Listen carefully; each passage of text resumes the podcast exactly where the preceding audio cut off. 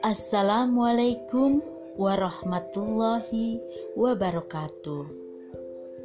Ayah, bunda, pembelajar sejati, kali ini saya akan mengkisahkan tentang sebuah kisah betapa Rasulullah sangat mencintai umatnya. Suatu hari, Rasulullah Shallallahu Alaihi Wasallam menangis terseduh-seduh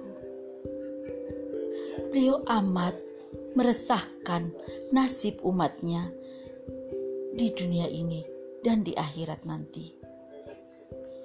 Hingga membuat Allah mengirimkan malaikatnya untuk bertanya kepada Rasulullah.